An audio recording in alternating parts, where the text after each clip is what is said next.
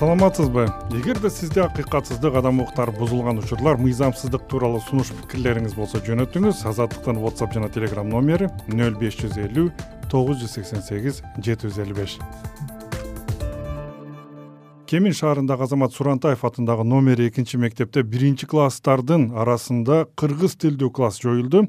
Анын ордуна орус тилинде окутула турган класс ачылды. Бул ата энелердин арасында нааразылык жаратып азаттыкка кайрылышты. Алардын бири гүлжан молдалиева кыргызстанда жашап балдарыбызды кыргызча окута албай калуу деген олдоксон жагдайга туш болгонун айтат. Орус класста отуз беш бала бар экен да кыргыз класста болсо сегизөө эле болуп атат да анан жабабыз орус класска кошулгула дейт. Анан биз айттык да э кыргыз тилдүү мамлекет болгондон кийин биздин тиги балдарыбыз кыргызча окуш керек да биз орусчага түшүнбөйт биз өзүбүз орусчага түшүнбөсөк же балдарыбыз орусчага түшүнбөсө булар кандай болот? Андан көрө ошол орус класстан кыргыз класска мындай слабыйраак балдарды алып келип он беш баладан өйдө болуш керек деп атат дейт школ директору кыргыз тилдүү өзүбүз мамлекет болгондон кийин эмне үчүн биз өзүбүздүн каалаган тилибизде кыргыз тилибизди окута албайбыз? Биз өзүбүз ошо кыргыз тилдүү эме болгондон кийин кыргызча окутушубуз керек биз балдарды. Биз орусча окута албайбыз кыргызча окутабыз. Баардык эле балдардын баары кыргыз тилде окуп келген классты таратып ийди жапты кааласаңар нолевой класска окуткула каалабасаңар башка школго алып барып окуткула деди анан баягы өзүбүздүн неберелерибиз бар ушул жакта окуп бүтсө анан башка школду биринчи класска алып барыш үчүн алыс да бизденчи ал үчүн күнүгө алып барып келген эле өзүнчө эме да же бала окутабыз же аларды жеткизип алып келгенге бизде ошондой кыйналыштуу болуп атат да. Анан биздин үйдүн түбүндө мектеп да анан ушундай болуп атат да. Менин атым гүлжан молдалиева. Дагы бир ата эне дамира мукашева. Баласын кемин шаарындагы башка мектепке алып барса ал жакта балдардын саны ашыкча болуп чыкканын айтат. Бир күн окушту андан кийин эле көчөгүнү эжелер чалып калды ушинтип нолевой биринчи классты жаап атат бала деп жаап атат. Орус класска которот экен деп. Анан биз бүгүн барып директорго чейин кирип эме кылсак биринчи класс деген ушундай министерстводон жабылсын деген указ келген бизге. Районодон айтылып ошон үчүн жаап атабыз биз биринчи класс жок. Кааласаңар нолевой класска киргиле кааласаңар башка школдорго киргиле дейт. Башка школдор дагы биздин эле мектеп э, негизи эле аз окуучу да. А калган школдор эме аябай көп. Аяк жактарда место болбойт орус класска киргиле дейт. Орус класска болсо балдарыбыз окуй албайт түшүнбөйт таптакыр. Кыргыз класска кирмекпиз деп эме кылганбыз да мукашева дамира небересин эми кайда алып бараарын билбей отурган өмүрбек абыкеев болсо билим берүү кызматкерлери башка мектептердеги ашыкча окуучуларды бул мектепке бөлүштүрүп же бир ай убакыт берсе башка мектептен ата энелер балдарын өзүлөрү алып келмек деген пикирде. Окуу жыл бүгүн жаңы эле алтысы болду. Окуу жыл башталган бир жума болуп эле атып эле анан жаап коюш нереальный го мындай өздөрү турмуш кылып окшойт булар он төрт он төрткө жетиш үчүн мектепте биринчи класс окулуп атса анан эки жактан эне аталар көрүп жок дегенде чыдаш керек эле да окуу жыл жаңы башталып атса жаап коюш турмуш болуп калган окшойт а мындай. Эл угуп атат да биякта биринчи класс жаап салыптыр десе эл бири биринен угуп алып анан баргысы келбейт. Класс окулуп атат десе эл барып баштайт эле да.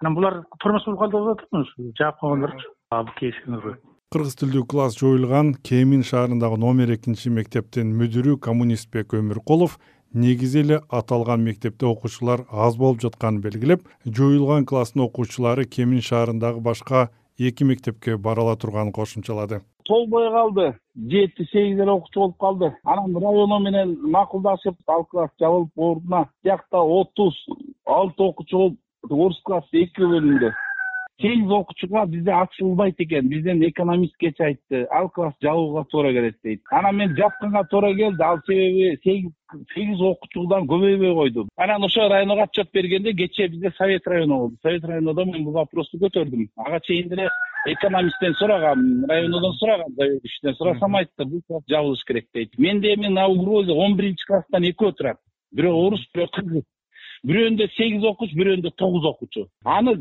выпускной класс пока подождите дейт аларда жабылышы мүмкүн болуп атат да. Бүгүн эртең анда жаап койгон атат бизди жапкан себеби буларды жибергиле дейт. Үчүнчү мектепке биринчи мектепке. Биз жакын элебиз да. Биз шаарбыз город кемин. Бул жагдай боюнча кемин райондук билим берүү бөлүмүнүн башчысы аида шопокова кыргыз тилдүү класс окуучулардын саны аздыгынан оптималдаштыруу жөнүндө атайын жобонун негизинде жабылганын билдирди. Ата энелер балдар үчүн өзүлөрү каалаган тилди тандап алаарын айткан шопокова жаз жана жай айларында мугалимдер тарабынан мектеп жашына келип калган балдардын санын тактоо учурда ата энелерге кыргыз тилинде билим балага жеткиликтүү болоору айтылганын белгиледи. Бизде оптимизация школ деген бар да. Бул закон э, орун алган.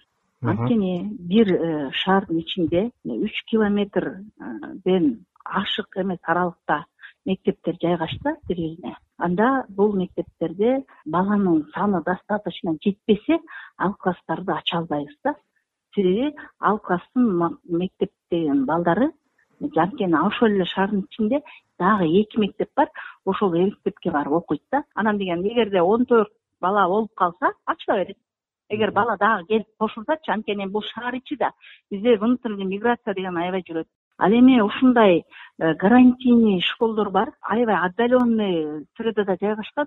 Аларда жети бала сегиз бала менен деле ача алабыз да. Анткени аларга подвоз уюштурганга айыл өкмөттүн каражаты жетпейт. Экинчиден алар э, ушунчалык э, үч километрден да алыстыкта өтө отдаленный башка мектептен алыстыкта жайгашкан да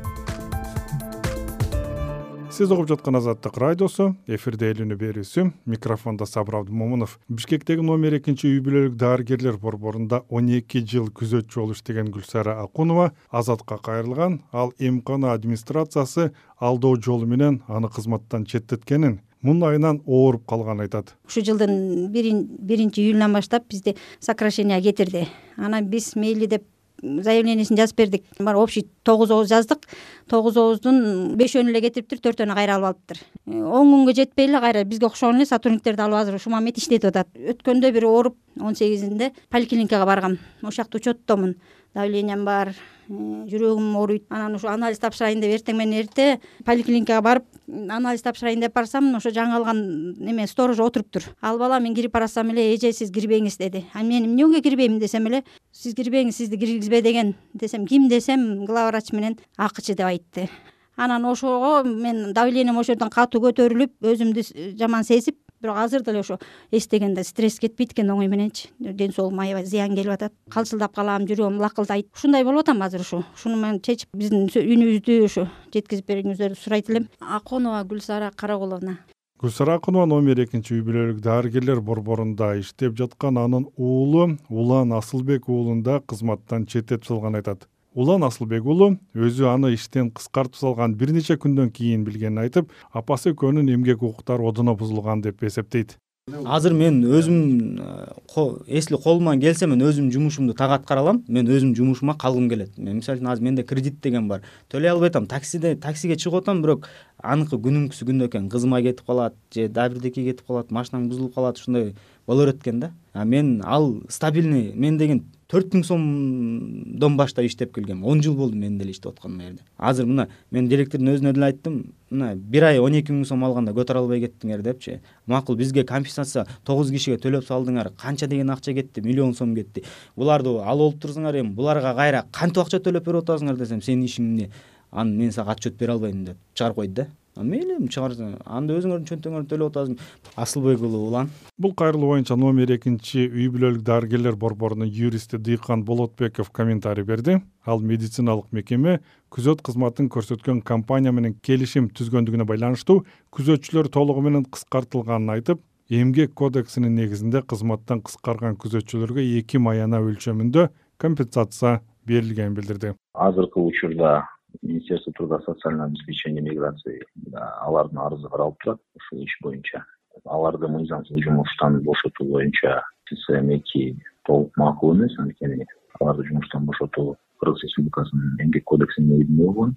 Алардын өзүлөрүнүн дагы макулдук каттары бар тийиштүү компенсациялар алынган булар жумуштан кыскартылган. Анткени биздин мекемени кайтаруу конкурс негизинде жеке охранный агентство деп коет ошого өткөрүлүп берилген эмгек кодексинин сексен бешинчи беренесинин негизинде мындай деп жазылган да эгерде сокращение численности болсо организацияда ошол жумуштан бошотуп кыскартылып аткан адам макулдугун бере турган болсо бир айлык мөөнөттү күтпөй эле каалаган убакытта ушул арызынын негизинде компенсацияны алып кыскартып кете берет деп көрсөтүлгөн ушу сексен бешинчи берененин негизинде алардан тийиштүү арыз макулдук алынган. Компенсациялар толугу менен төлөнүп берилген. Эгерде алар бузулду деп эсептесе анда тийиштүү органдар бар. Ошолорго кайрылса сотко болобу же болбосо министерство болобу ошолорго кайрылса.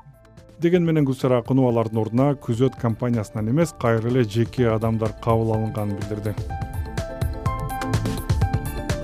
ушуну менен элүүнү уктуруубузун жыйынтыктайын. Бизге тема сунуштап пикир калтырыңыз. Байланыш үчүн телефон номер нөл үч жүз он эки жыйырма бир токсон төрт жыйырма үч. Whatsapp телеграмдагы номерибиз нөл беш жүз элүү тогуз жүз сексен сегиз жети жүз элүү беш. Элдин пикирин топтогон сабыр абдымомунов эсен туруңуз